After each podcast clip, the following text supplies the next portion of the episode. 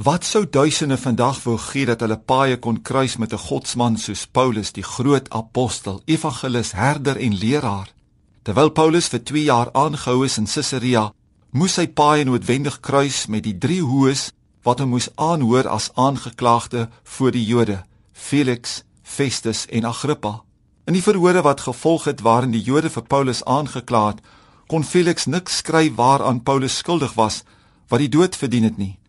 Dit skyn selfs dat gouverneur Felix 'n buitengewone belangstelling gehad het in die boodskap wat Paulus verkondig het en hom dikwels laat haal het om Paulus aan te hoor in sy private hierdanigheid oor die geloof in Christus. Een van die sessies verhaal die woord het soos volg geëindig Handelinge 24 vers 25.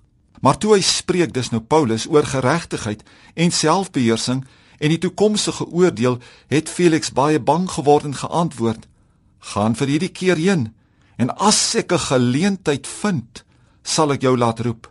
As opvolger van Felix het Festus voortgegaan met die verhore wat nêrens heen gelei het nie, sodat Paulus hom uiteindelik op die keiser beroep het.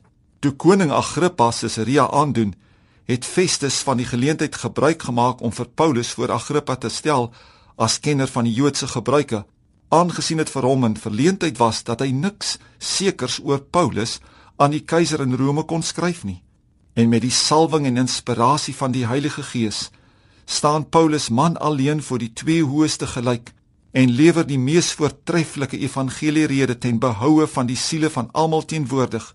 Nie een keer pleit hy vir sy eie loslating nie. Festus verwerp die aanbod om redding blaatant en roep uit: "Jy's kranksinnig, Paulus. Die groot geleerdheid bring jou tot kranksinnigheid." Agrippa aan sy gemoed getref sê: "Jy beweeg my byna om 'n Christen te word.